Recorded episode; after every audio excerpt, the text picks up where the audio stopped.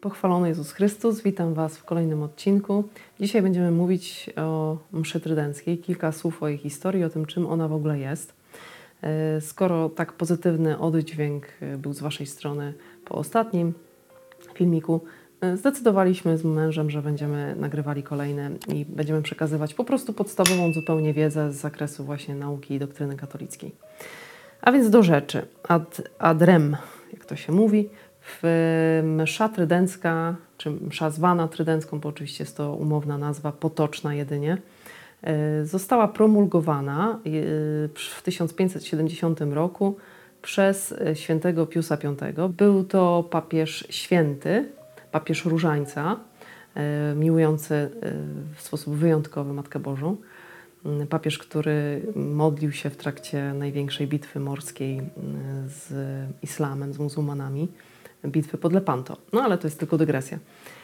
Po zakończeniu soboru w 1563 roku, soboru trydenckiego, w 1570 roku Pius V konstytucją apostolską bullą quo primum tempore promulguje mszał. I to jest ciekawe, że do Watykańskiego Soboru II, czyli z Vaticanum Secundum, mm, tak naprawdę żaden dokument soborowy ani żaden dokument papieski nie określał sposobu odprawiania mszy i celebracji mszy. Jedynie sankcjonował sposób, jaki zastanął w momencie wydawania dokumentu właśnie Bulli Quo Primum. I to jest bardzo ważne, że y, do momentu właśnie zwołania Soboru Watykańskiego jedynie kodyfikowano rozwój, a nie go inicjowano.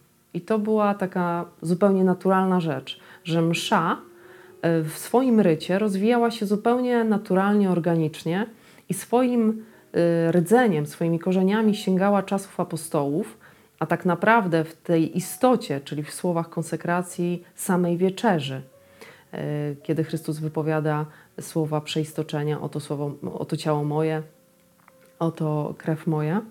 Więc te zręby, można powiedzieć, yy, w takim ujęciu historycznym, czy, czy, czy tym podstawowym, pierwotnym, one już są ukształtowane w IV wieku. Chciałabym Wam parę rzeczy tutaj przytoczyć yy, z książ książki yy, Davisa Michaela.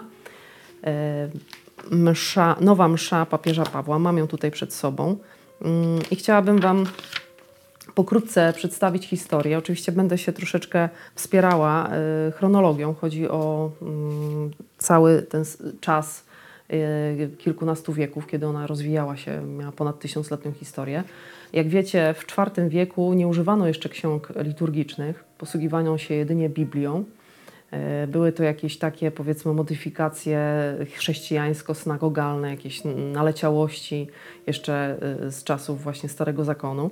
Generalnie msza była podzielona na dwie części. Pierwsza część to była msza katechumenów, druga część to było to misterium chrześcijańskie Eucharystia, kiedy katechumeni, osoby przygotowujące się do chrztu opuszczały świątynię e, i rozpoczynała się ta prawidłowa część. Święty Paweł już wspomina też o formule konkretnej eucharystycznej w dziejach apostolskich, e, bo była już pewna formuła utrwalona.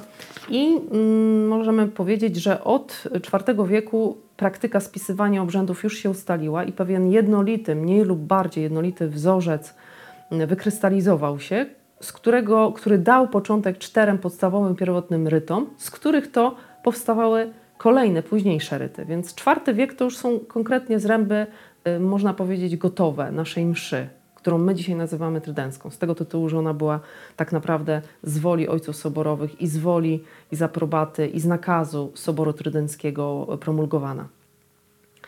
Y, I te trzy z czterech już istniejących pierwotnych rytów, one wywodziły się z trzech starożytnych patriarchatów Rzymu, Aleksandrii, Antiochii.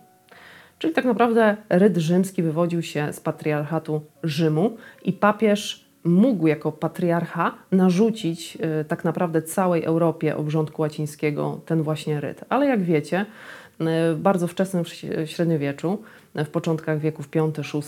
Tak naprawdę i Anglia, i Włochy, Brytania, to znaczy Włochy, Germania, Francja, wszystkie one miały swoje własne ryty. Nie było jednolitości, nie było jedności, nie było unifikacji. Papieżom za bardzo nie zależało też na tej unifikacji. Byli raczej, mieli stosunek raczej obojętny i to z woli raczej władców e, świeckich czy biskupów lokalnych e, no, rozpoczęto pewne działania na rzecz właśnie ujednolicenia kultu Bożego.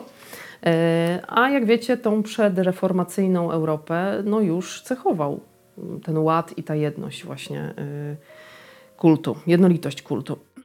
Była też taka ciekawa historia z sakramentarzem. Sakramentarz jest to zbiór, pewien e, zbiór śpiewów, jakiejś liturgii, części liturgii zmiennych, prefacji, kanonów nie jest on jeszcze mszałem w naszym pojęciu.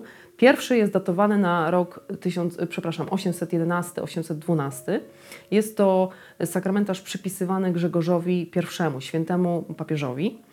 E, sakramentarz on stanowił właśnie ten, który jest uznawany za sakramentarz Grzegorza I, e, stanowił podstawę przyszłego mszału e, Piusa V. Czyli już słuchajcie, IX wiek, 811, już tu mamy zaczątki tego właśnie mszału Piusa V. Potem papież Adrian I przekazuje Karolowi Wielkiemu ten właśnie sakramentarz, żeby ujednolicić w kościele frankijskim cały kult Boży i, i liturgię. Znowu Karol Wielki powierza sakramentarz Alcuinowi z Jorku, żeby przeprowadzić reformę i tak przyczynia się do pewnej jednolitości właśnie kultu Bożego w kościele frankijskim, a potem i e, w całej Europie, dlatego że powoli od X-XI wieku ryt właśnie galikański jest wypierany przez ryd rzymski. Papież Inocenty III, papież Mikołaj III bierze udział w rozwoju tegoż właśnie rytu. Y, Franciszkanie upowszechniają go, w całym Christianistas, czyli w całym świecie chrześcijańskim ten mszał. Dokonują pewnej rewizji, też, też przeprowadzają pewne reformy. I co się dzieje? Pierwsza drukowana wersja mszału Y, już następuje w 1474 roku, czyli na 100 lat przed promulgacją Piusa V, tego mszału.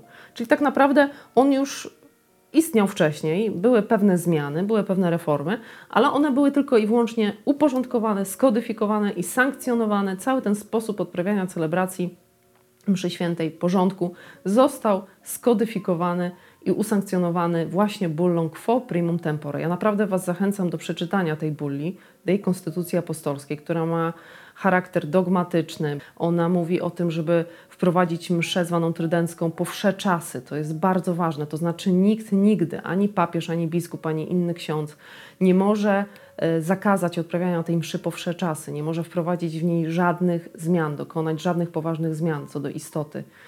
Więc y, później jedynie Klemens VIII, z tego co pamiętam, czy Urban VIII, czy Pius X, czy Jan XXIII wprowadzili bardzo drugorzędne, kosmetyczne zmiany, ale nigdy nie wprowadzono żadnych rewolucyjnych zmian, dlatego że Pius V obwarował konkretnymi anetemami. Anetema to jest ekskomunika, wyklęcie, tak? Niech będzie wyklęty, jeżeli na przykład będzie odprawiać jakiś kapłan y, nagłos, albo w języku narodowym, albo przy stole tą mszę albo na przykład przodem do wiernych. To wszystko było obwarowane anatemą, więc zachęcam Was do przeczytania tej bulli, bo jest absolutnie y, genialnym dokumentem, y, jurydycznym tak naprawdę, y, gdzie, gdzie najwyższym legislatorem jest, jest papież, jest najważniejszą osobą w, w Kościele.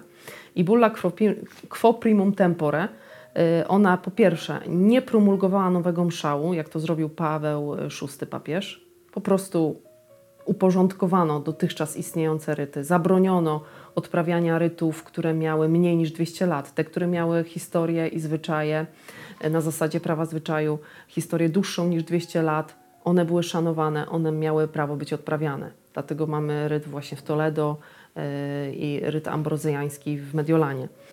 Także to nie jest jakiś osobisty dekret na mocy dekretu jakiegoś konkretnego papieża, czyli Czyli to, co zrobił Pius V, to nie jest jakieś osobiste, indywidualne widzimisię, ale to jest wola e, ojców Świętego Soboru Trydenckiego. Sobór Trydencki konkretnie także narzuca e, konkretne sposoby odprawiania tej mszy i też rzuca e, anatemę na tych, którzy ważą się zrobić inaczej niż Święty Sobór chce. Widzicie, jaka była różnorodność odmian, zwyczajów, tradycji w Kościele. Natomiast uporządkowanie też y, tych rytów, które tak naprawdę były ze sobą bardzo spójne i zgodne, i nie różniły się jakoś bardzo od siebie też między sobą wzajemnie, no, wynikało także właśnie z tego zagrożenia, jakie płynęło ze strony protestantyzmu i tej herezji. Potrzeba było jakiejś zapory, jakiegoś bastionu wiary katolickiej, y, który będzie czysty, który będzie pewny, który będzie powieki, nienaruszalny. I ta łacina, y, język łaciński, który jest świętym językiem Kościoła katolickiego, on był takim elementem też spajającym, unifikującym, jednoczącym cały Kościół katolicki. E, dlatego chciałam Wam przedstawić tą historię, żeby Was jakby zachęcić też do czytania i do tego, żeby zachwycić Was samą historią tej mszy, bo to nie jest tak, że ona została napisana na kolanie na Zatybrzu w dwa lata, jak było właśnie z mszą niestety e, Novus Ordo Misse, bo arcybiskup Bunini napisał ją właśnie bodaj w 2-3 lata. Ta msza była pisana ręką tak naprawdę Ducha Świętego, ma ponad 1500 lat historii. Jej zręby już powstały w IV wieku e, i ona wywodziła się właśnie z tego jednego ze starożytnych patriarchatów, patriarchatu rzymskiego, obowiązywała w kurii rzymskiej, była odprawiana, zmieniana oczywiście, bo to było udoskonalane i doszło do pewnego szczytu tak naprawdę e, w XVI wieku, ale ona cały czas się rozwijała naturalnie i to jest właśnie najpiękniejsze, że to jest historia, że to jest to piękno, E, Kyrie to jest V wiek, e, kiedy wkracza właśnie ta modlitwa Kyrie, eleison, Chryste eleison. Tak samo jest Agnus Dei, Baranku Boże, to też jest V wiek, więc to wszystko narastało, zdobywało mm, taką, taką urodę swoją i nabywało tych kształtów, nabierało tych właśnie rumieńców, można powiedzieć, tego piękna. I była wyrażana cała doktryna katolicka w sposób pełny, bardziej doskonały. Tak samo w, równolegle w tym samym czasie rozwijała się pobożność eucharystyczna i od X wieku w Polsce, bo Polska istnieje od X wieku, więc tak naprawdę od tysiąca lat e, niezmiennie przyjmowano właśnie komunię świętą na kolanach i do ust na klęcząco, więc e, to jest tradycja, to jest właśnie przykład, jak święta tradycja rozwijała się, można powiedzieć na przykładzie naszej katolickiej mszy. Także zawdzięczamy Piusowi V dokonanie no, absolutnie fantastycznego aktu, pierwszego w historii Kościoła, yy, aktu legislacyjnego w zakresie właśnie liturgii, który dał nam wspaniałą, prawowitą katolicką mszę. Także zachęcam do yy, odwiedzenia kościoła, w którym odprawia się msza trydencka do zgłębienia historii mszy trydenckiej. Jest ona fascynująca absolutnie, bo dotyczy tak naprawdę wielu różnych dziedzin. W ogóle historia jest fascynująca. Zachęcam Was do przeczytania tej książki, do której ja często wracam. Dzisiaj też się posiłkowałam tą książką. No i cóż, na, na koniec jeszcze mogę Wam przeczytać coś, co powiedział Pan Jezus do jednej ze świętych. Są to absolutnie piękne słowa. Moja córko, znajduję wielkie upodobanie w Twojej gorliwości, ale wiedz, że jedna msza święta – większą mi cześć przynosi, aniżeli kiedykolwiek możesz to wymyśleć. Dlatego często słuchaj mszy świętej, ofiaruj mi cześć i chwałę, którą stamtąd mam. Tym sposobem możesz mnie uczcić według Twego życzenia i serca swego pragnienia zaspokoić. Także pozdrawiam Was serdecznie i do zobaczenia w następnym odcinku.